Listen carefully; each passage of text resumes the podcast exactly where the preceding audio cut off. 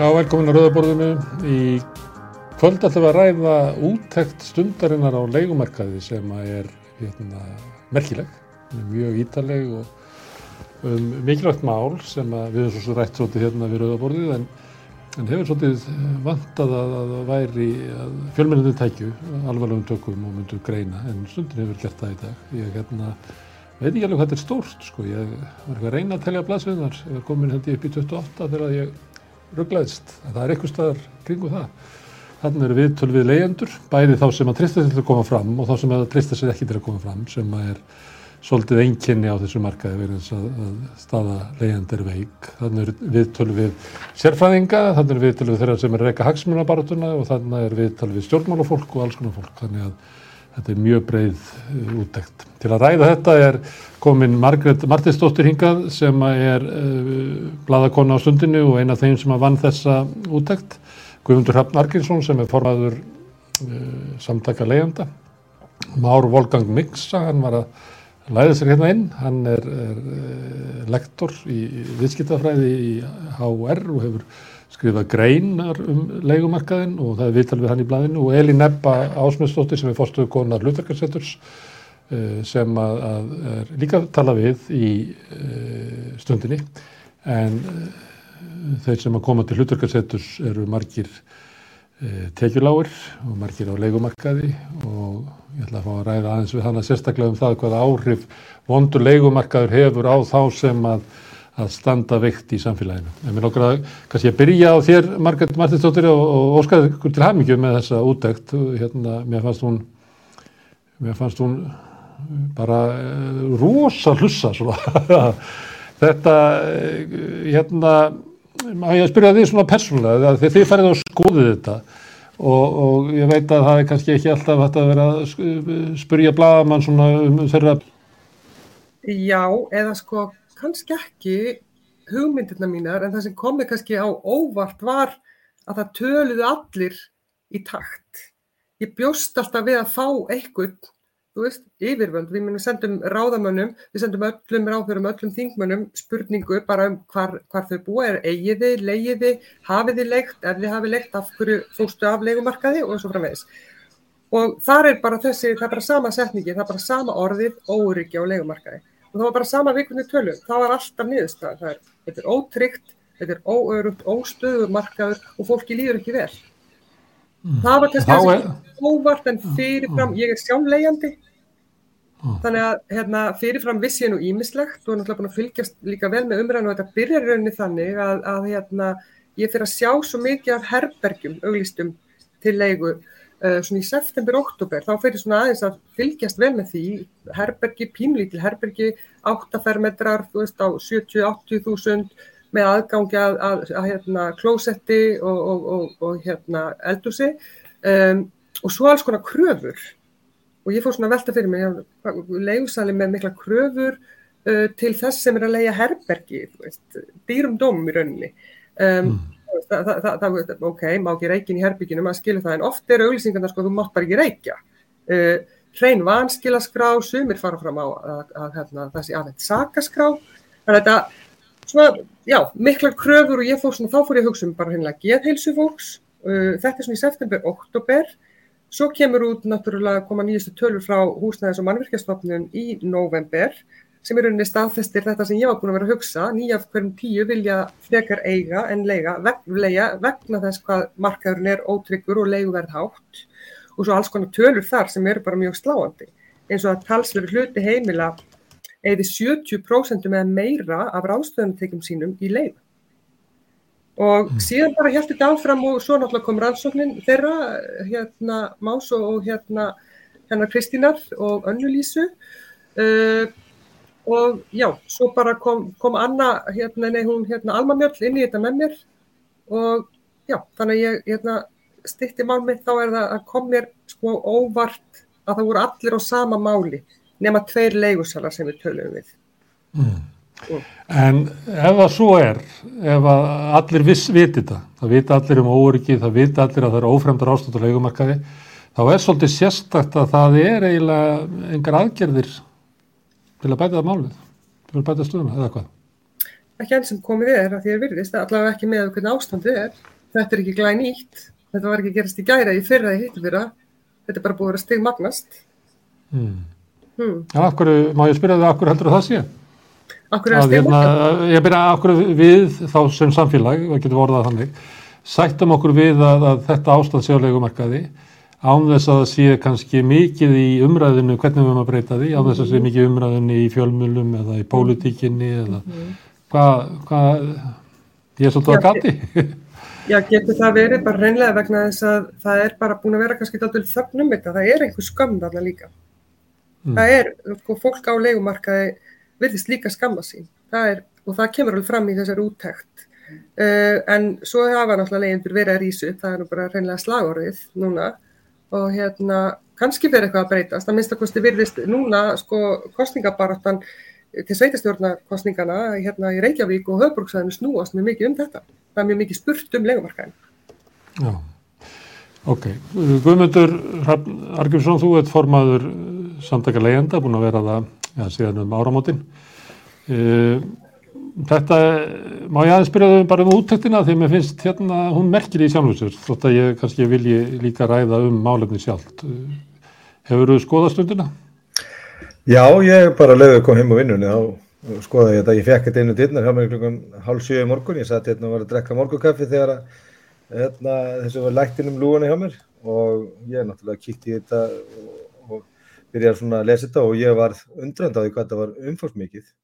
og stórt og ég áttaði mig strax á því þetta er svona tímamóta umfjöllun og ég hef svo að þetta geti þýtt alveg gríðarlega stóra og merkilega hluti fyrir hagsmennubaratu leiðenda og hugsanlega verður kannski vonandi litið til þessar umfjölluna sem eitthvað konar svona tímamót í barátunni. Þannig er þetta virkilega komið að dagskrá. Þannig er orðræðar sem að leyendasamlinginu hafa haft uppi frá því að voru endurreist hérna í haust. Orðin bara uh, kemur vel fram í, í umfjöllun í blaðsins. Orðræðar sem að ofta tíðum kannski var svona fólk efaðist um og tók ekki mikið marka á svona eins og tölur okkar um hérna, uh, uppkaup eignafólks og lögæðilega á, á fastegnamarkaði og og hérna, hvernig, fólk, hvernig fólki líður og áfallasaga þess og, og, og þegar til göttunum. Þannig kemur þetta bara fram í umfjöldunni og, þetta skiptir okkur gríðarlega miklu máli að við fáum þennan vettvang og það er okkar orðræðu gefið alveg rosalega mikið lögmæti og það skiptir öllu máli í okkar hagsmunabaratu að uh, lögmæti þess sem við segjum og það sem við segjum að það sé ekki dreyið í efa svona af þeim sem kannski vilja helst ekki hlusta á málflutning. Þannig að stundin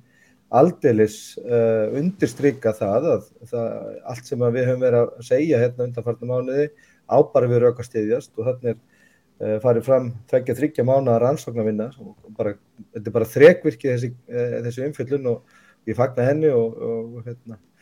og ég var bara svona, svona bæði hræður og, og spendur og hérna og líka kvíðin svona yfir framhaldina því ég veit að leið og þetta komið svona almennilega daskra þá rýsa vandal upp líka þeir sem eru, hafa alltaf hotnum sig uppur þessu leiðenda. Já, þú talar um svona lögmæti, nú er verið í, í gangi vinna við átak í húsnæðismálum sem er eiginlega sama nefnd og var starfandi í kjölfarið á, á hérna lífsgerðarsamningunum og það hefur verið bent á að kannski ekki margt af því sem þar var lagt fram hafi gengið eftir allra síst það sem snýra leiðendum. E, hafa samtök leiðenda tekið þátt í þessari mótun á, á aðgerðum í húsnæðismálum á vegum stjórnvalda og átagsfóps fórstisraðara? Já, okkur var bóðið eftir reyndar eftir að við gengum eftir því. Það voru okkur bóðið að taka þátt í vinnu sem hérna undirhópur um legumarkaðin. Það voru vist tveir undirhópar undir þessum átagshóp. Þau eru held í sjö sem að sitja í átagshópnum eða starfshópnum um umbætur húsnæðismarka heitir þetta. Og ég fekk sem sagt sæti í þessum hóp, það voru 23 hagsmunnaðilar og ég var eini leiðandinn. En ég þurfti náttúrulega að sækja eftir því og þannig aðeins sem ég hef haft mest samband við sem er í sjálfum starfshópnum og ég hafði sótt það fast vegna að ég hafði haft samskipti við hann vegna annara mála. Ég hef sótt það fast að leyendur ætti að fá aðkomið þessum uh, undirhópum uh, leikumarkaðin. Það hafðist á endanum eftir að þetta var tekið hérna bara fyrir og fundi hjá sjálfum starfshópnum hvort að það væri tilum til þess að heyri leyendum um leikumarkaðin og niðurstan var svo, jú, það er tilum til þess að heyra sjóna með leyenda um leikumarkaðin en annars áttu 22 hagsmunnaðila og ég var svo 2003 að fjallum legumarkaðin í þessum undirhópi. Ég mætti þarna fólki sem að allt nema ég uh, var að, í sér eign uh, og ég vissi ekki, veit ekki hvort það hefði reynslu á legumarkaðin, væntanlega einhverjir, en allir voru að tala um legumarkaðin utanfrá, tölum að efla gagnaöflun og einfalda byggingareglugerðir og, og flýta fyrir deiliskyplasmálum og þess áttar. Engin af þeim talaði um legumarkaðin út frá sjónarhóli leyenda og þetta var unni mjög uh, undarlegt umhverfi þar sem að sjálfur verkefnastjórin sem fór fyrir þessum hópi, hann var sjálfur leigusæli og hafði hagsmun að gæta sér leigusæli og, og hérna þannig að þetta var, þetta var mjög skrítin upplifun og uh, ég gæti ekki fundið það að það veri sérstak svona uh, sérstakur hljómgrunni fyrir mínu málflutningi þar sem ég talaði syngt og heilagt bara um verðlagningu á leigumarkaði og velferð leiðanda meðan að oppin af þeim sem sátu þarna nefnum uh, Ragnar Þór Já, Vaffer, hann var svona minn helsti bandamarðinni en oppina þeim sem voru þarna voru fjallum legumarkaðin sem eitthvað svona kerfi sem þau vildu hafa betri stjórn á en ekki um velferð leiðenda. Það virtist ekki vera í hugar en þeirra eitthvað vandamál. Þannig að þetta hefur verið svona, það eru oft byrtar myndir af svona ráðstöfni í Sáti Arabi um, um kvennfrelsismál og það er bara myndir af köllum.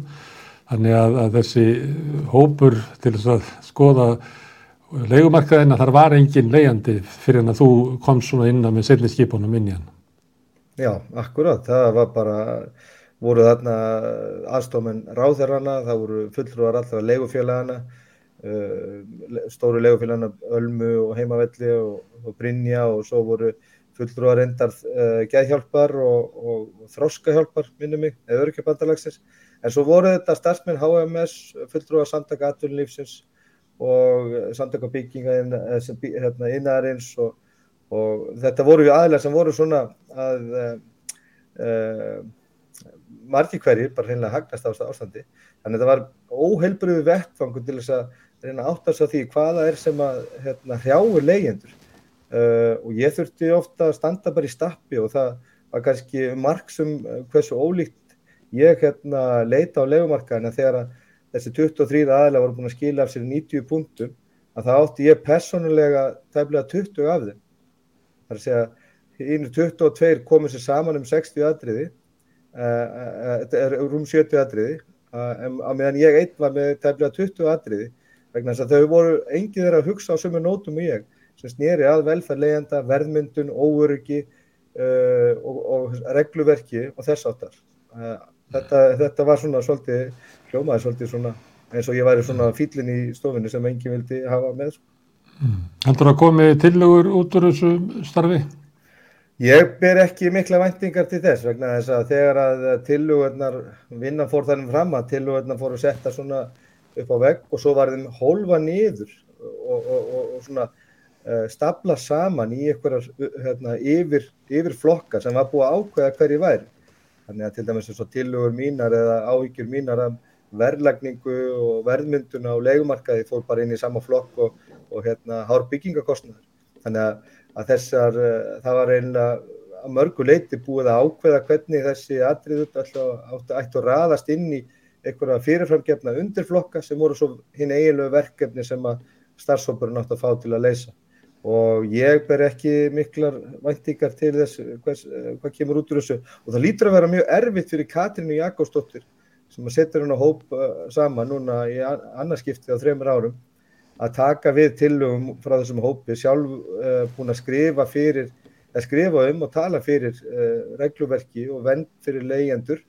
og líka stefniskrá vinsti græna er bara uh, mjög ítaleg um málefni leyenda og vend fyrir leyendur þannig að það lítur að vera óþægilegt og erfitt fyrir hann að taka mótið þessu ef að kemur ekkit rótakt út úr þessu fyrir leyendur sem ég reyndar trúi ég trúi því, ber, ber ekki mikla vendingar til niðurstöðu þessa hóp sko, því miður. Mm, ok, Herri, við skulum fara á framtíðinu og spáði hvað getur gæst yfir í hvernig ástandi er. Uh, Már Volgang Miksa, hann gerði úttekt á, á leikumarkanum á samt Kristínu Lofstóttur. Már, hérna, getur þú sagt okkur svona, er þetta að draga það saman í einfjöldum álið svona hverju svona helstu niðurstöður ykkar? Já, það eru, já, það, það er nú kannski eins og Margret kom inn á í upphafi það var það ríkir mikið óryggi og þetta er verðist vera bara stef sem að er að eh, koma fram aftur og aftur við erum með eh, við erum með eh, dýran og, og að mörguleiti óhagkvæman leikumarkað það er miklu dýrar að vera á leikumarkaði heldur en að að eiga, að eiga húsnæði og þetta hefur í raun og veru þá hefur þetta breyst mjög síðustu ár uh, þar sem að uh, þar sem að vakstastig hefur lakka gríðarlega mikið og, uh, og það er nú hægt að líta á það þannig að vextir er í raun og veru vextir er í raun og veru bara leiga á, á þeirri, þeim hluta íbúðurna sem að fólk á ekki.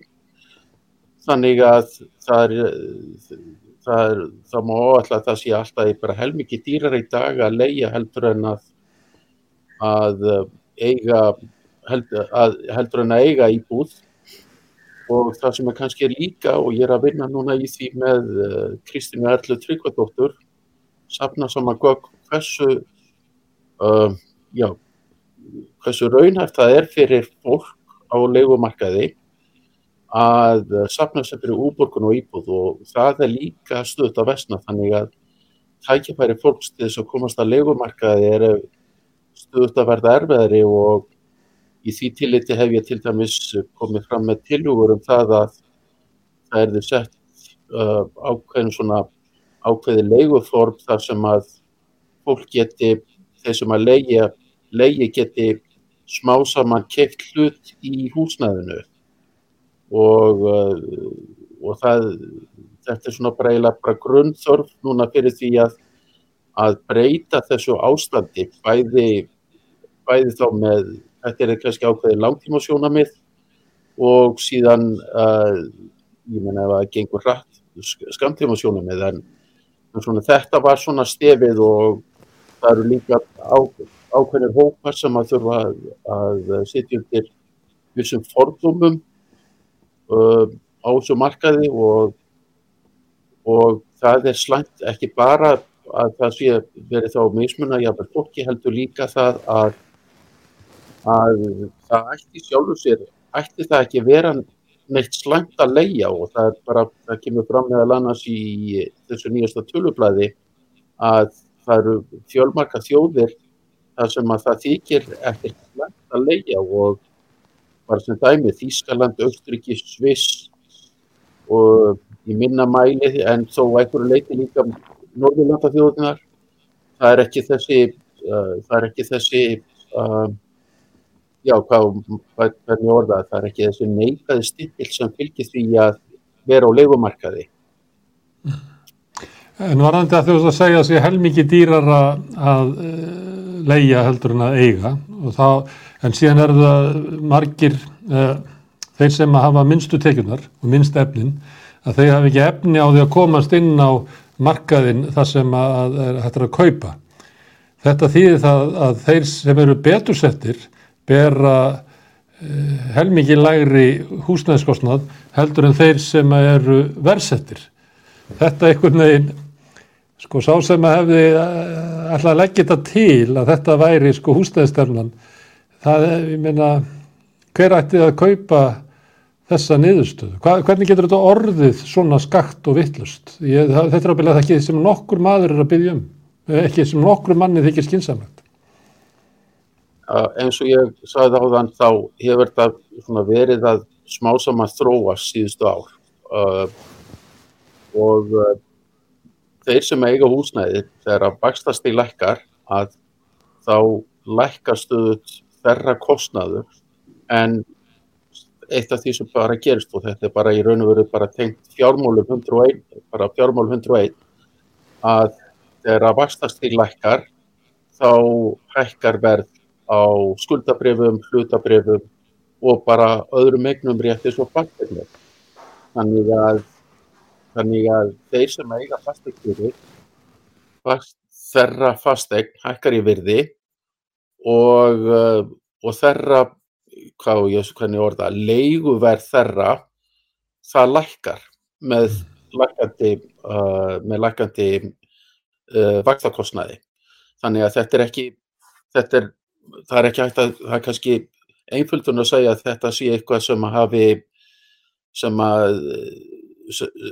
hver, hvernig orða, það er ekki hægt að segja að þetta sé kannski einhverjum beint að kenna, en, uh, en það þarf að bregðast við þessu nýjum aðstæðum og hérna, og í því tilliti þá, uh, þá kannski sko að veita fólki annarkost já það eru auðvitað fjöldamarka tilugur um ímis leiguform en þá líka að veita fólki tækifæri til þess að fara eftir ná, inn á markað og hérna og ég nú bara sjálfur sko, ég reyndar fengið nánast einhverjum skammar í hætti fyrir það en ég hef talað fyrir því að það verði að fólki verði veitt tækifæri á að uh, taka lán sem eru bundi við húsnæðsvísutölu og uh, almennt þá segir fólk á móti já en húsnæðisvísitala fyrir þá sem að eiga húsnæði hún hérna hún myndi gera að verkum að lán þerra myndi, höfustóll lána þerra myndi hækka. En það sem kemur á móti, eitt af því sem kemur á móti væri hins vegar það að það væri miklu stærri hópur þá sem að væri sérstaklega ánað með að húsnæðisverð myndi hækka uppur öllu valdi. Og, uh, og það væri þá kannski meiri þetta væri þá meiri í orði heldur en í orði að einhvers konar aðgerði til að stemma stígu við hækkandi húsnæðisverð. Um, auk þessum að ég tel að bankar getur þá uh, lána fólki uh, að beðið um að fjármálastofnæni getur þá lána fólki uh, fjárhæðir fyrir uh, til húsnæðiskaupa og krafist á minni útborgunar þar sem að uh, höfustólinn bara fer bara að sveiflast í tætti við fastegnaverð og uh, við skulum hafa eitt í huga að það er töluvörðu fjöldi fólks á leikumarka í dag sem að misti allt í hruninu, í framhald af hruninu 2008 og sáhópur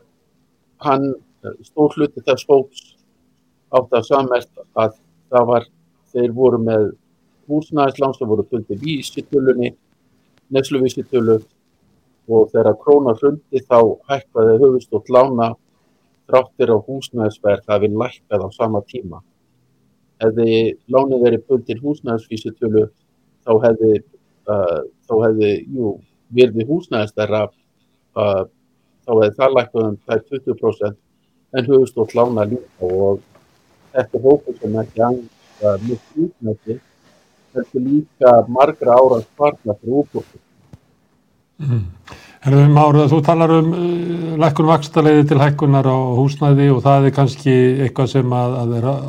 síðustu 2-3 árin uh, þegar Sælabóki byrjaði að lækka vexti í kjölfar lífsgerðarsamlingsins og ennfrekar í, í COVID þá verður þetta ástand. En er, var ástandi þá að versna eða er, er þetta bundið því tímabili eða byrjaði ástandi kannski að, að versna að, að þessi munur á því að geta sloppið inn á eignamarkaðin eða verið dæmdu til þess að vera út á leikumarkaðnum, er það eitthvað sem við getum rækið aftur til hruns eða fyrir hrun? Já, ég, já, veistu, þetta er, þetta er frábær spurning. Þetta hefur, þetta er svona, þetta er ákveðið mótsögn og ég, um, ég er í raun og veru bara að endurskrefa núna pappir þar sem að, sem að fjallar í raun og veru um bara hvað lærdúmur hafi verið dregin af hruninu í húsnæðismálum. Og lærdúmurinn hefur í mjög mörgu tilfellum verið rángur og, og það eru ákveðnar anstæðar eiga sér stað því að, að við erum með þetta hrun á sér stað og í framhald af hruninu þá uh, veikist íslenska krónan og það er sett mikið átak í það að fá ferðamenn til Íslands og uh, það gerir það verkum að Airbnb-væðingin, hún fer á fullskrið hér og uh, það er talið að um bara á höfuborgarsvæðinu hafi uh, ég held að það hef verið árið 2014 til 2017 eða 18 þá hafi um fjórðungur leigu íbúða, langtíma leigu íbúða uh, verið umbreytt í skamtíma leigu fyrir ferðamenn. Og þannig að það er bara ef að maður lítur einfallega og einfalt eh, frambúð og eftirspurnar hérna uh, línurits að þar að gera verkum að er miklu, miklu færri möguleikar í bóði fyrir þá sem að eru á langtíma leikumarkaði og verðið hækka því. En því til viðbútar að þá er þessi uh, ferðamannageri hann er drifin að miklu leiti til af uh, nýjum íslendingum sem að ég tek, tek fram að mér finnst bara frábært að fá hérna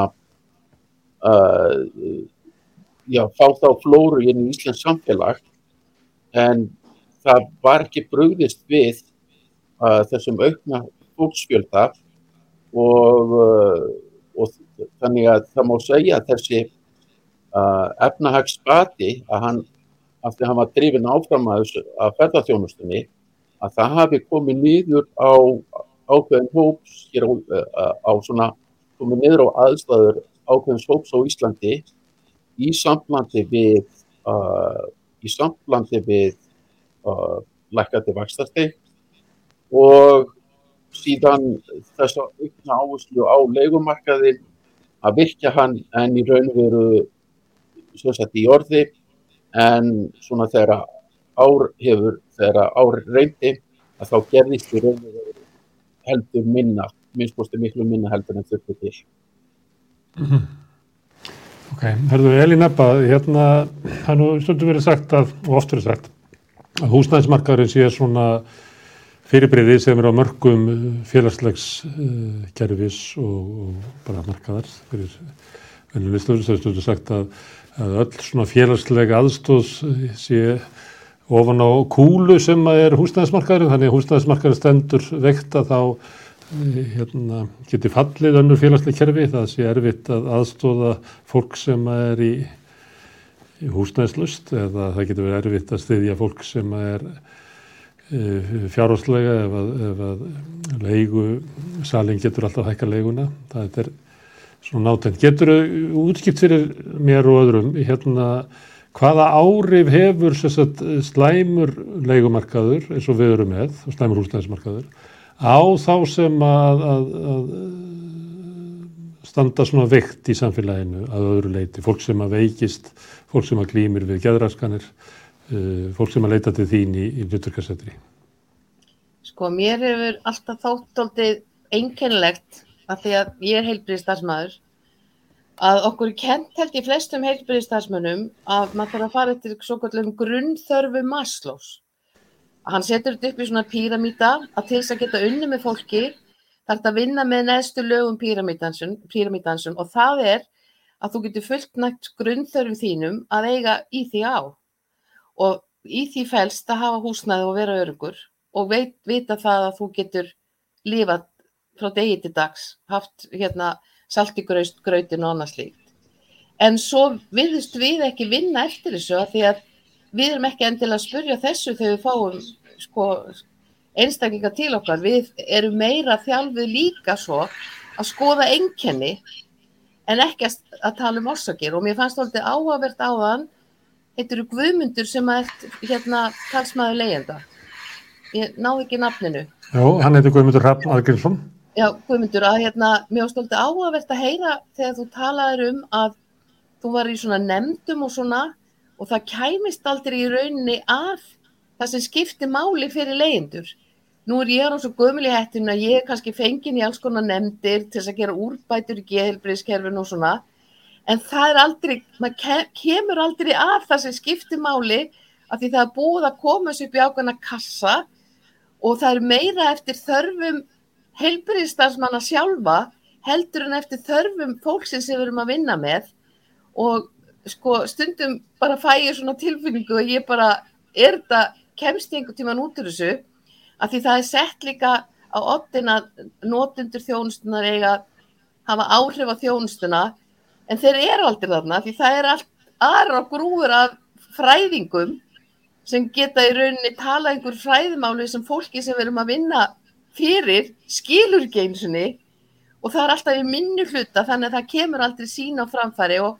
ég er nú verið gegnum árun að rannsaka hvað hefur áhrif að bata fólk sem næra árafri sem hefur orðið fyrir sko hefur miskeið þessuna og þegar maður spyr það þá setur það á oddin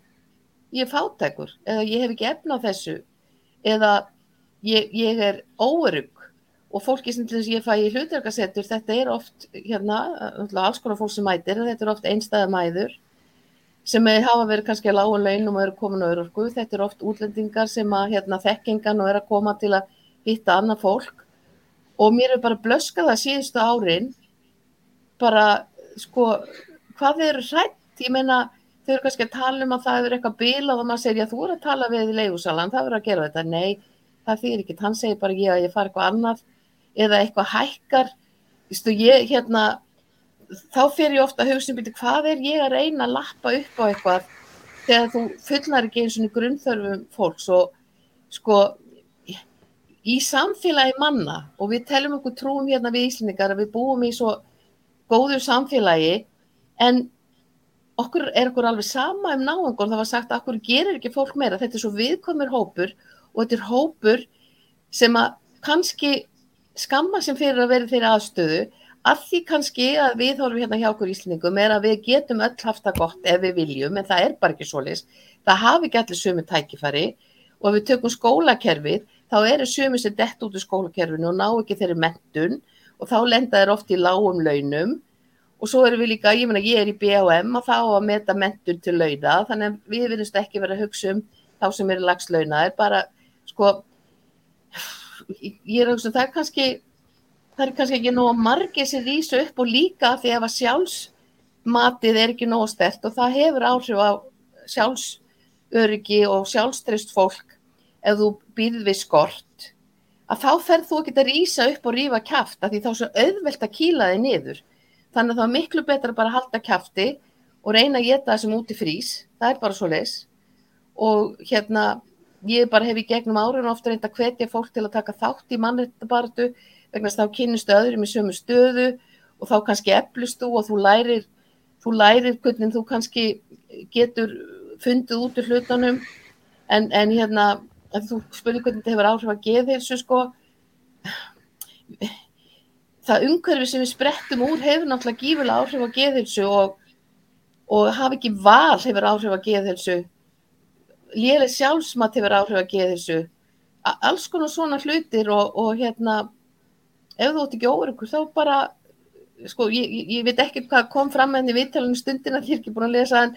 en mér er oft svona það pyrra mér svo rosalega þegar við erum að selja það að við getum hjálpa fólki bara ef við nógum marga geðleikna alltaf geðleiknar að uppræta fátakt ef við sendum alltaf í hugran atvismeðferð þá breytum við viðhóru fólks að því það er eitthvað vittlust forreitar, allir að forreita fólk að, að samþykja það að það hérna get ekki hort út mánuðina því að það á ekki fyrir nógu mata því að tveir þriðju af þeirra rástöðunatekjum fer í leigu. Ég verða svo hissa á,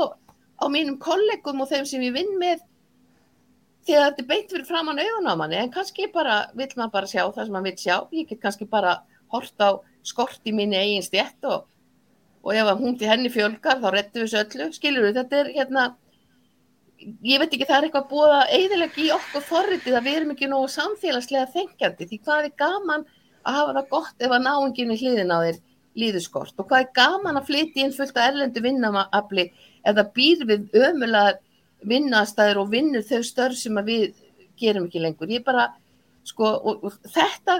þegar ég fer á kýs, þá vil ég kjósa þá sem að búa til reglur og búa til umhverfi það sem að við búum hag allra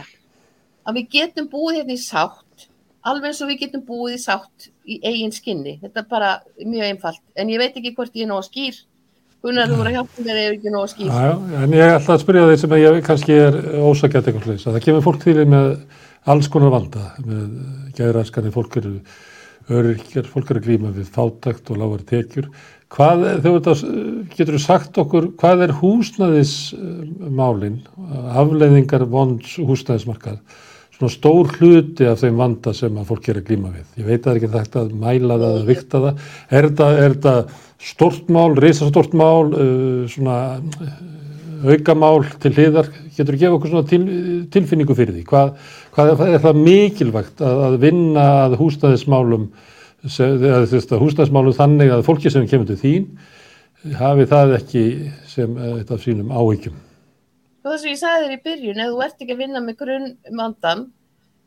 að þú ert örugur, þá er ekki takt að vinna að harri plönum, þá er ekki tvara... En eru flesti sem koma til þín í húsnæðis? Nei, sumir hafa verið hefnin og eru, hvað hafa fengið félagslegt húsnæði, aðrir hafa kannski eigið húsnæði því þeir hafa haft einhverja bakhjalla, en sko þegar svona fylgir skömm, þá ert ekki endilega að tala um það, af því þú skammast þín fyrir það. Og, og hérna, en sko maður sér það alveg, ég meina samhjálp er hérna við hliðina okkur og flesti reyna að drýja ráðstöfun að tekju sína með að fara í samhjálpa því þeir ná ekki endum saman á því sem að við skofum þeim sko, þeir sem eru eins og til dæmis örirkjar eða þeir sem eru sko nota mest af tekjum sínum í leiguna þá, þá reynar að bjarga sér. Þannig að hérna samhjálp gerir rosalega mikilvægt starfa þýrleitinu til en það getur vel verið að því að þá lifir fólk af að þá kannski verður ekki bara þannig jafn hörð af því þau ná að skripta einhvern veginn. Skilur það er, við höldum lífin í fólk, fólki. Mm, já. Minni man á að manni fannst það þegar aðurinn sem kom hérna, í COVID þá, þá voru fréttir af því að það aukist mjög uh, lengst byðraðna fyrir utan matargjafir. Og maður, þá fannst manni að, að þarna væri fólki sem að hafði engan valkost annan en að láta eiginlega allar sína tekjur uh, sem höfðu skerst við að missa vinnuna, missa yfir vinnuna í sumum tilfellum, höfðu lagt allar sína tekjur til leigusalans og komu svo og voru að þykja mat til þess að geta lifa át mánuðin. Þannig að maður upplifið það að þetta væri þessi breyting sem að var þá mætti væri hluti af bara hústæðismarkanum. Hann, er, hann er svo grimmur að þú verður að fara með alla penningana þína þangað því að ekki það reytir að ekki fyrir mat út mánuðina það er ennþá verða að vera út, út á götu. En herðu Margret, því að þið voruð að skoða þetta og örgulega reynda svona að, að kortleggja þetta með einhverjum hætti og við höfum talað svona í almennum orðum um óöryggi í, þeirra sem eru á leikumarkaði. Í hver er það fólkið? Eru leigusamlingarnir stuttir? Getur fólkið verið allt í einu sagt upp? Er, er, er, er fólk að flytja á milli hverfa? Að þau er svo lítið frambóð að, að þú ert kannski með tvö börn og ert að flytja á milli skóla hverfa tvís og þrísvar á fimm árum eða eitthvað sko. Lýstu aðeins í hverju þetta óöryggi fólkið? Já, ég, ég ætla að gera það. Mér langar samt að segja eitt varðandi hérna bara það sem Guðmundur var að segja og núna Elin Ebba að ég held einhvern veginn að því að þessi setning sko ekkert uh, um okkur án okkar, ég held bara að hún væri bara komin inn í öll kerfi sko. Veist, fjölmiðlar eru það, það er alltaf að tala við fólk sem er verið að fjalla um, sko, þú veist, það eru verið að fjalla um. Margreit Sundum, en hérna, þótt, Margreit, þótt að þú sitt leiðandi og ég leiðandi og Guðmundur leiðandi, þá er eiginlega enginn hér, sko, sem er að tala um út frá óuríkinu og leikumarkaði. Ástæðan fyrir því er að það er svo erfitt að fá fólk, ég hef þetta að tala við viðmælendu þína meira sem, sem voru inn í mynd Já. og þau spurðu býtu verði í mynd og þá sögðu, nei, ég tristi mér ekki til þess, þannig að Nei, nei, Þannig að við gerum eins og við getum í fjölmjölum en veit, það er ekki alltaf hægt. Ég er bara að tala um almennt að þess að Guðmund var að tala um að vera á fundum það sem að voru ekki, hann var bara svo fyrsti sem var á leigumarkaði, sem var að fjalla um mm. þessi mál, sko, ég er bara að tala um það og við í fjölmjölum gerum það líka, sko og ég var alls ekki gaggrinn að þetta, þú veist, hérna þennan þátt, aldils ekki. Ég er bara að tala um það að það bara sem fjölmjölar hafa gert árum, áratugum saman að, að heyra í fólki sem er verið að fjalla um, við gerum það, sko Þannig ég held bara að þetta sko, þessi setning ekkert sko um okkur án okkar, hún er svo sterk, þetta er svo sterk setning í mannveitnindabartu og ég held bara að þetta væri komin í öll kerfi sko. En mér langaði líka bara, ég skal tala um þetta óryggi eftir, að mér langaði líka að tala um að því að Elin þetta segir í greininni og mér fannst það svo áhugavert. Það er sko að þú talar á hann um, um COVID, fólk misti vinnuna og, og hérna margt fólk misti vinnuna og uh, endar náðu síður saman og það var allt erfiðara hins vegar talar hún um að það var hópur sem var létt sko, vegna þess að það sloknaði á öllu. Það sloknaði á menningastarfsemi, fólk hætti að fara til útlanda, skýðið lagurerar, engar fermingaveislur og svo framvegis sem að fólk sem sko rétt nær endum saman eða jafnvel nær ekki endum saman hefur ekki verið að taka þátt. Þannig að þegar að þetta hætti þá upplýði eins og Elinabba segir í greininni sumt af þessu fólki sig sem venjulegt fólk og svo heyrði, heyrði maður á þessum tíma ráðamenn jafnvel þríegi og svona tala um að þjóðin kæmist bráðum í leikhús. Þannig að þetta er líka svona svolítið orðræðan auðvitað og hérna, mér, mér langaði bara að koma þessu að af því mér fannst þetta með sterkur punktur hjá Elinabbu í greininni. Varandi óryggið, já, þá talar fólk um sko til dæmis eins og í rannsókninni hjá þeim hérna Má og, og Kristín og Önnu að þá eru þau að tala við hvað hátt í 30 eða í 30 leyendur og þau tala til dæmis um sko ég í rauninni bjó mér ekki til heimili og ég, mér finnst ég ekki geta búið mér til heimili vegna þess að ég veit ekki hvernig, hvað ég fæ að vera lengi hérna. Verði ég hérna næstu jól, veist, er ég að fara að setja myndir, uh, má ég mála, næ, ég að gera þetta að mínu skjóli. Er það, það er eitt, sko, en það finnst þau aldrei verið í skjólu og það skapar einhvers konar óryggi. Og svo er það bara hvenar verður íbúin seld eða nú eru ferðamennir að koma aftur, uh, er, er verið að fara að lega út í Airbnb og hvert fer ég þá? Og þá einmitt kemur þetta fólk sem á börn skiptum skóla, jafnvel þarf ég bara að fara í önnur hverfi. Og að meira segja í útækt stundarinn þá er tala við hjón sem fluttu frá Reykjavík til, í, í hverakerfi og það því þau gáttu það var bara dýrt fyrir þau að vera hér þannig að þau, þau fóru í hverakerfi þannig að fólk er, þú veist jafnvel gegn vilja og oft gegn vilja sínum að flytja þannig að í því að svo, svo þetta fyrst og fremst náttúrulega bara hérna að ná endum saman og, og geta borga leiku sko. mm. Þannig að fyrst og fremst það er tvent, það er annars vegar að stuttur leigutími og svona órikið það er verið að leia fólk geta til hálgjörns skamtíma þótt að maður myndi ætla það heimilegt að vera heimi til lánstíma og Jú, svo er það kannski það að bara eiga fyrir tryggingunni. Já, kannski í samningi er til langstíma en þú veist ekki, þú, þú átt ekki íbúin og veist ekki hvað, hvað leiguselin ákveður að gera og hann ræður því auðvitað, hann vil selja íbúinu sína uh, eða þú veist leiða hann út í Airbnb, þá ræður hann því og þú átt þín íbúð, þá getur enginn gert það, þú veist, þú ert bara þar og þú gerir það sem þú vilt. Það. Guðmundur Hafn, kannast þú við þetta að flytja ykkur staðar og, og svona draga það að, taka upp úr kvarssonum vegna þess að, að maður rekna með því að þurfa að flytja fljótt aftur?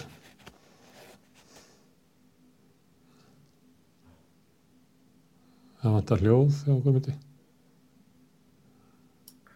Já, svo sannlega, ég kannast við þetta. Ég hérna, er búinn að flytja fjóru sinnum á, síðan 2015 uh, og, og í þrýgang uh, var það út af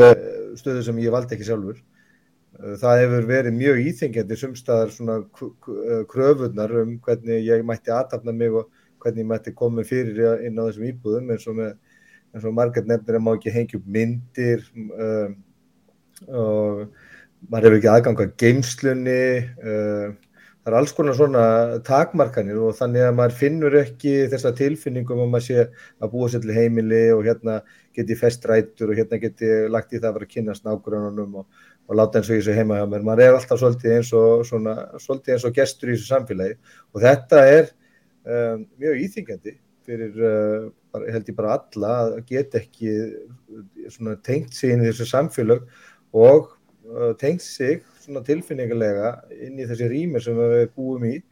Þannig að ég kannast alveg við þetta og ég kannast við þetta svona að, að hérna, vera með kassana uh, vera ekki að taka upp öllu kassum og, og svo er líka eitt maður kannski uh, flyttur inn í íbúður sem eru kannski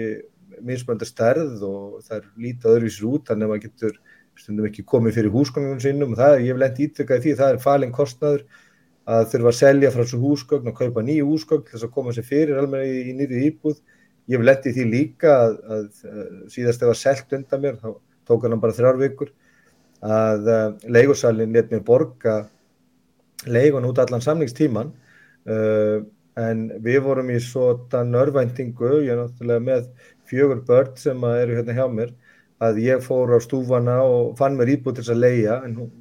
leigusamningur sem ég var með hann rann út í byrjun oktober eða lóks eftirber ég fann íbúð frá 1. ágúst en ég þurfti að leia tvær íbúður í tvo mánuði sem var gríðarlega mikið uh, álag svona á, á hérna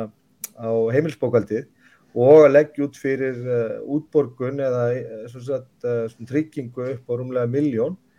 fyrir nýjubúðuna áður en við erum búin að fá hérna tryggingun tilbaka. Þannig að þetta er gríðarlega fjárhagslega erfitt, þetta er kvíðavaldandi, þetta er mjög streytuvaldandi fyrir mig og fyrir börnin og þetta veldur líka svona rofi á tengslamyndun hjá manni sjálfum við sitt nánasta umhverfi, jafnvel sko þessi, þessi svona Um, þessi sífældu flutningar verða líka til þess að börnir verða svolítið aðfuga því að, að reyna að finna sig uh, heima og, og, og hafa uh, ekki sérstaklega huga því að kynna sér umhverfi sitt og þetta er bara að öllu leiti mjög fjandsamlegt og, mjög helsusspillandi að búa við þetta sífældu óryggi. Þannig ég tengi alveg við þetta að uh, þetta, er, þetta er bara eitthvað sem er mjög erfitt og mér finnst bara mörguleitu, ég var að fá að segja það bara beint út og mér finnst að þeir sem hafa haldið út um þessum máluflokka, þeir sem hafa haft með framfyllt hústæðismála hérna á Íslandi að gera undan farið 10-15 ár hafa sínt af sér svoleiðis víta verða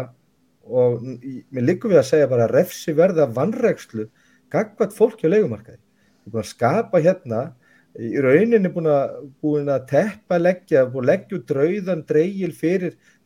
eigna fólk og, og, og fjárfesta til þess að nýðast á leyendum og hagnast á þeim. Þetta er varnalösasti hópurinn í samfélaginu okkar, svona, svona stóra stjettin sem er svo varnalös, en það er bara búið búa til umhverfi fyrir fjárfesta og eigna fólk og lögæðilega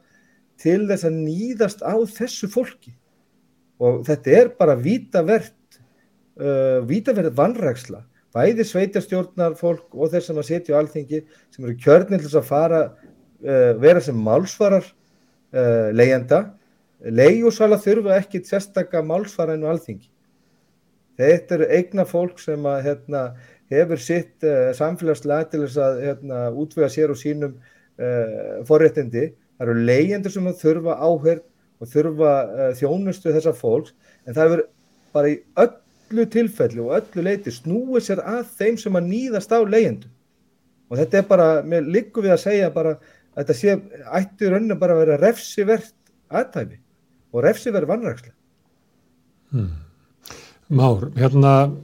það, í, stundum í hagfræði þá koma hagfræðingar að málum og, og þeir geta til þess að reikna út kostnað samfélagsins af e, reykingum, hérna, reikna kostnað samfélagsins af og hérna, vondu vegakerfi og, og dauða í umferð og allir slíku. Ef maður, þegar maður er að hlusta þá maður velta fyrir sér allavega gríðarlega kostnað, þú nefndir að, að leyendur væri að borga helmikið herri húsnæðiskostnað heldur en þeir sem að slippu inn fyrir í eignamarkaðin og svo eins og Guðmundur og Margret hafa verið að nefna þá gríðalegu kostnaði sem að liggur á leyendu bara af, af órygginu og óhagraðinu bara bælingu lífsins. Þannig að, að, að kostnaðurinn af húsnæðiskerfinu sem við höfum, ágöllum þess, liggur út í samfélaginu. Ég finna, ég ætla ekki að byrja að leggja mat á það, en við getum alveg séð fyrir okkur að þetta eru sko miljardar, sko alveg, er endalust peningum sem er varið í að viðhalda vondu húsnæðiskerfi má ekki veist, nýta þetta, þessa peninga betur til þess að gera eitthvað sko gott þannig að við fáum út úr þessu sko gott húsnæðiskerfi. Er þetta ekki svona hagfræðilega alveg gaggala gú að hafa svona slæman legumarkað? Jú, um, þetta kemur kannski ekki um, þetta, þetta er svona þetta er, þessi spurning er svona svipu því og spurja er ekki galið að er ekki með eitt loft og þannig slíkt og mm. uh, kannski svo litið erfitt að setja fingur á það bara hversu dýrt þetta sé því að hérna hversu dýrmætt er það að manni líði vel og betur í dagan í gær og þannig fram eftir kvötunum en jú það ég menna það ef, ef við mælum ekki einhvers konar hérna, hérna ánægi einingar þá er kannski og kannski bara tími til að pakka saman og bara hérna hægt að lifa og mm. Uh, og, uh, og, og að sjálfsögðu er þetta eitthvað sem að eiga þarf að bara huga að og og tekur hérna miða því að að uh, ég menna það er bara þetta er bara hérna tekist bara kenningum Mills og Bentham bara um ánægjustuðla og hvernig maður rekna það út og það eru þetta aldrei neitt búin að koma með nákvæmun útrekning á slíkt en, en það vita þetta því að það sé hérna, hópur í samfélaginu sem að já, líður ítla glýmið og óryggið þetta er að sjálfsögða eitthvað sem að þyrti að huga og uh, En svo er um ára, það er líka peningarleg hlið af þessu vegna þess að það eru, ég er að velta verið mér, er að þjóðarslega hafkvæmt að stjórnvöld, ríkisvaldið, fari út í einhverja aðgerðir sem að geta kostað eitthvað til þess að létta hústæðiskostnaðunum af þeim sem eru á leikumarkaði, stæðstu hluta þeirra e, þannig að þeir myndu þá eigða peningunum í eitthvað annað eða er það þjóð, þjóðarslega hagkvæmt að gera það ekki þannig að peningar leiðandana, þessir auka peningar sem þeir borgi húsnæðinskostnus renni til leigursala. Er það þjóðarslega hagkvæmt? Ég, já, ég er nú ekki farið gegnum exoníkunin í slíku og gerir það seint. Að það er, en ég, ég tel það að vera eitthvað sem að alveg augljóslega, ég tel það að vera augljósmála það þurfa að huga að þessu, þetta er nú kannski hvernig þú segja, hjarta mitt slærgreinlega með í þá áttina að glíma við þetta. Um, það er búið að gera allskins rannsóknir hér á Íslandi en þær hafa verið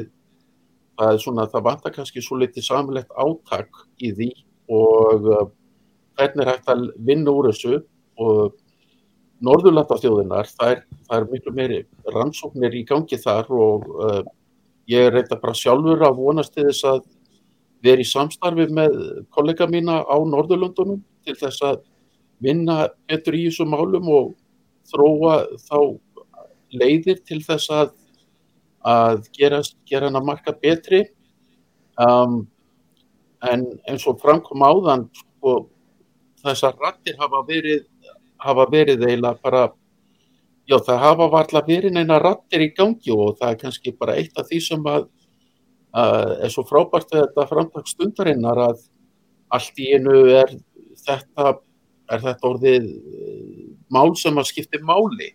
og, og þetta er svona komið svona hluti af orðræðunni hér í samfélaginu, hversu mikilvægt þetta sé. Um, bara svona sem dæmi að þegar ég fór að rannsaka þetta, ég er búin að vera að rannsaka þetta nokkuð, nokkuð lengi núna hvað var þar eiginlega bara lána form uh, í meira en áratjög en fyrir ykkur svona 3-4 áru síðan þegar ég fór að einblýna frekar á húsnægsmarkaðinn að það hafði eiginlega bara engin annar áhuga á þessu þegar ég var að nefna þetta við fólk. fólk fólki fannst þetta ekkert vera það mikilvægt málefni og og það með, bara nú þegar að það er hérna, nú þegar að þessar rattir eru kannski orðinir áhærilegri að þá er, þá er kannski eh, meiri líkur á því að það sé pólitísku vilji þess að setja fjármagn í svona og, og það þurfti þá að gera líka vel og það þurfti að í mínum huga þá þurfti þetta að vera dálítið uh, já það það, það er ekki nú að vera með einhverja plástra, þetta þarf að vera alvöru átak og, uh, og byggja lóðir og, og bara, já, og, og tala um það. Eitt af því sem að er oft fjallað um hér er uh, í fjölmjölum er að það er ekki byggðar nómargar lóðir á höfuborgarsæðinu en staðrindin er svo að það er ekkert búið að byggja neitt minna af lóðum en eins og ég komað á þann við erum bæði það búið Airbnb væða fullt af húsnæði sem áður var á langtímamarkaði. Það er Íslandingu fjölgar öll og, og leikumarkarinn á Íslandi er, hefur bara hingað til ekki verið nægilega hagkvæmur. Þannig að það þarf svona nokkuð samstilt átak í mínum huga til þess að gera leikumarkaðin skilverkari og ef ég tala bara á krónum og aurum að uh, það að leiguverð hér á Íslandi sé svona hátt og þessi sko þegar ég segi áðan að það séu fyrir 50% dýrara það er bara kannski rétt að komi fram að þetta er ónákvæm vísindi og leigu vísitala, hún byrjaði nú ekki fyrir árið 2011 þannig að þetta eru svona enn sem komið er ekki alveg nægilega áræðilega en uh, svona það er alveg ljóst að það er dýrar að leia en uh, erlendist þá er þetta alls ekkert raunin og, og það í raun og veru það til að brúa þetta bíl til þess að til þess að uh, fólk á leikumarkaði geti þá kannski uh, já, sé bæði ekki í þessari svona, já, tvísýtni stöðu og uh, hafi þá betri möguleika til þess að leggja fyrir uh, í sitt eigið húsnæði nú eða bara líða vel í leiguhúsnæðinu og það er ekki, það er ekki sjálfgefið að það sé að, að það á ekki að vera sjálfgefið að það sé eitthvað slæmt. Já, það nefndir hérna pólitíkina, það var á síðustu öld og kannski framöntið þessari þá var það séregnastefna væri svona hortstefnin í húsnæðistefnu á uh, Íslandi og það var því að trúað. En að einhver leiti hefur hún fallið og gefið eftir. Uh, þú nefnir sem dæmi, það er bara svo stórir hópar sem uh, hafa raunverulega ekki efni á því að fara inn á eignamarkaðin. Verkamannabústaða kerfi varð kerfi til þess að hjálpa fólki til þess, en það var náttúrulega aflagt 97 ef ég maður rétt. Þannig að, að og, og, og meðan að við höfðum þessa séregnastefnu þá var oft litið kannski á leyendur væri meira minna tímabundi ástand, þetta væru tilvonandi eh, hérna, eh, kaupendur eða kannski fólk sem að vera að skilja og legði kannski einhvern ákveðin tíma, námsmenn að koma hérna, til landsins og annars líkt og það var ekki ekki litið á það að þetta veri hópur sem að þyrti að byggja eitthvað svona kerfi í kringum að því að markmiði væri svo að allir myndu kaupa. Þetta var náttúrulega kannski ekki raunast á 2000-stöldinni en eftir hrun er, eiginlega orðið algjörlega augljóst og þetta er óraunaf stefna sem megin línan í, í hústæðistefnu stjórnvalda. En er það ekki svolítið þannig að eh, stjórnmálinn hafa eiginlega ekki horst í augu við þetta að, að, að það hefur orðið eh, svona við hrunið að við vorum með svona ákveðið svona subprime vanda þannig að það var hellinga fólki sem að datta vegnamarkaði yfir og leikumarkaðsvip og gerði því bandaríkjum á Breitlandi en, en það er ekki að heyra það að þetta hafi náð inn í stjórnmálinn. Einmitt og um, sko í, í mínum huga það er það bara ekki í sjálfu sér að þessari sérregna stefnu um, Jón Rúnar Sveinsson hann hefur tikið saman frábært yfir, frábær yfirleitt um þetta og í raun og veru þá uh, hann segir að þetta hafi í, hérna, nú mann ég ekki bara í fljótu, bara í augnablikinu hvað, hvað orð hann notaði en það var í í stuttum máli að þá var uh, þessi sérregnastefna það var bara nokkuð tilbyrjun að kent að hún byrjaði á, á þriðatjóð uh, síðust aldar og bara að því að það byrjaði þannig þá bara hjælt það áfram. Og langt flestir Íslendingar áttu heim í sínu eigi húsnæði bara fram að, að aldamót og ég fyrst árin eftir á. Og uh, hlutvall þeirra sem að vildu uh, vera á leikumarkaði það var miklu herra heldur en í dag. Uh, en í framhaldarhrauninu þá það bara fjöldi fólk sem að fer á leikumarkað snar, snar reikst um, ef ég maður rétt að þá fór það úr 17% til 27% landsmanna sem að fór inn á leikumarkaðin og og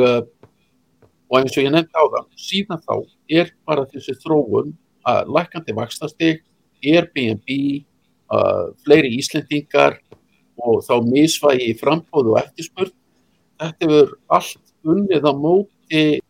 þessum uh, á móti leigjandahóknum og uh, bara flesti sem eru á leikumarkaði eru einstæðir foreldrar þetta eru uh, þetta er ung fólk og tekjulátt fólk þetta er bara svipuð í Evrópu og þetta er kannski og það má þá segja að eins og framkom áðan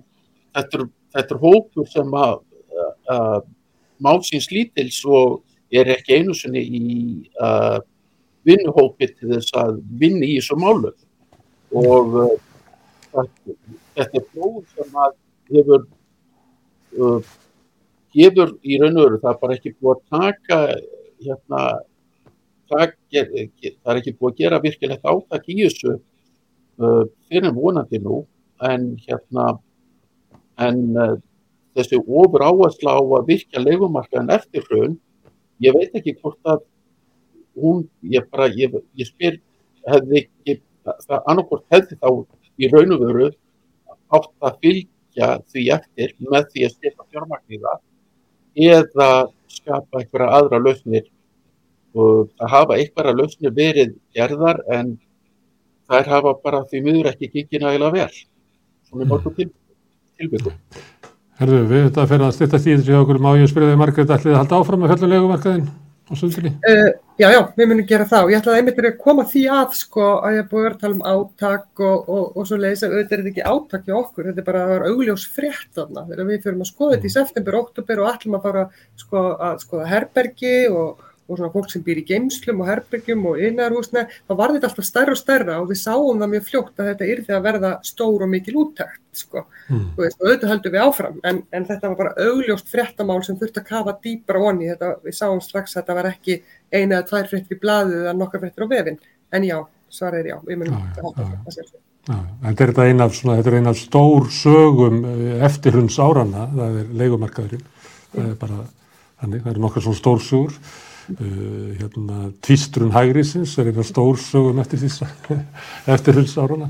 Elín Ebba, hvað vilt þú gera til að laga leikumarkaðin? Nei, mér langaði svo til að skjóta inn einn rannsók sem var gerð af því þú veist að tala um hvernig áhrif þetta hefði sko, hvort við setjum fjármagn í eitthvað, það áhrif það hefur.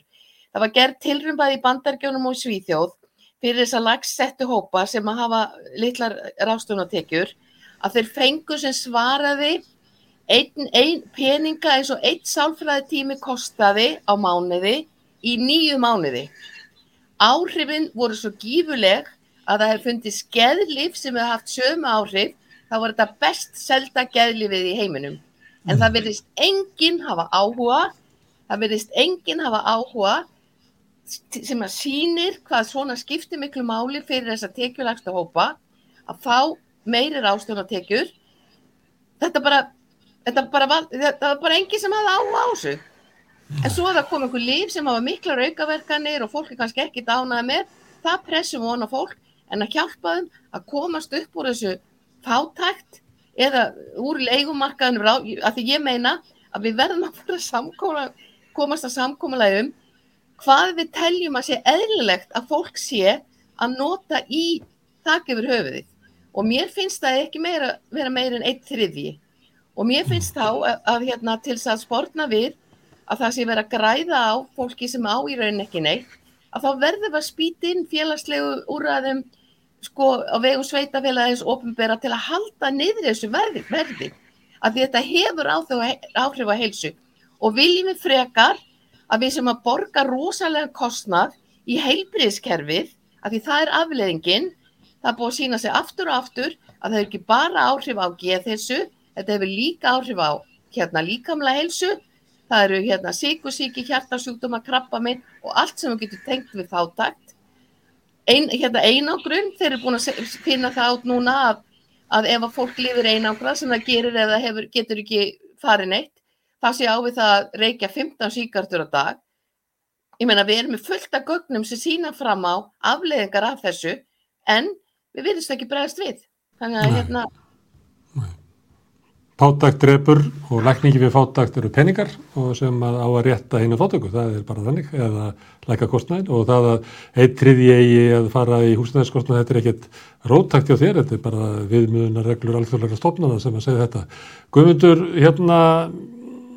viltu slá botnin í þetta, segja hérna hvernig á að laga þetta, það er kannski langu listi sem er frá samtökun neyjanda.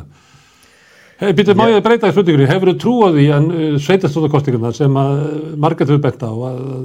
að sömulegt er meira að tala um húsnæðismál núna heldur en hefur áður. Hefur þú trúið í að það hafi áhrif á niðurstöðukostingarnar og stefnu uh,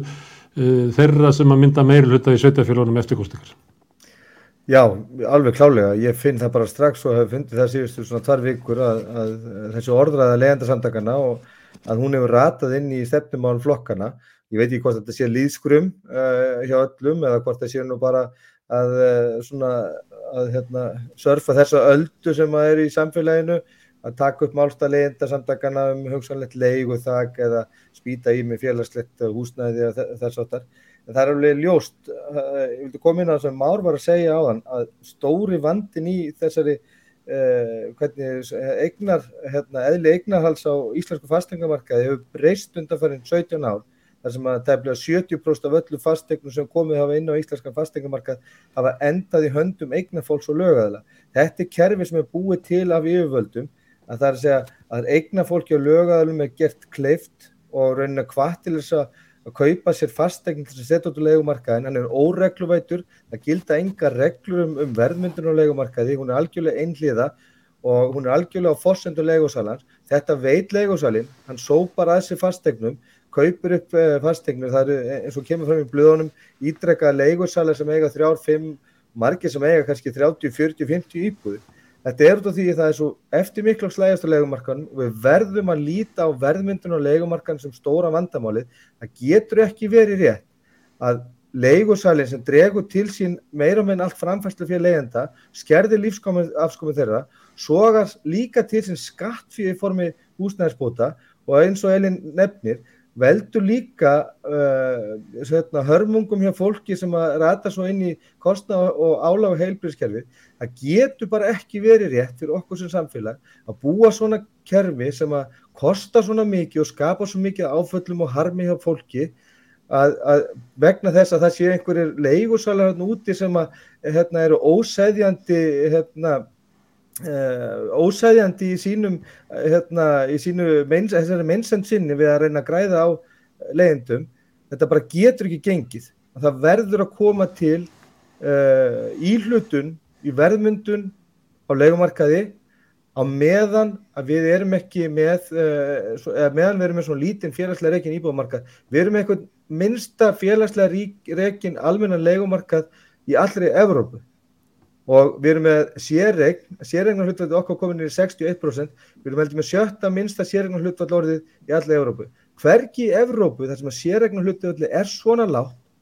er ekki, uh, er ekki leiguþak. Ef það er leiguþak í þessu löndum þar sem að sérregnar hlutvall er látt eða þá umfangsmikinn félagslega reikin húsnæðismarkaður.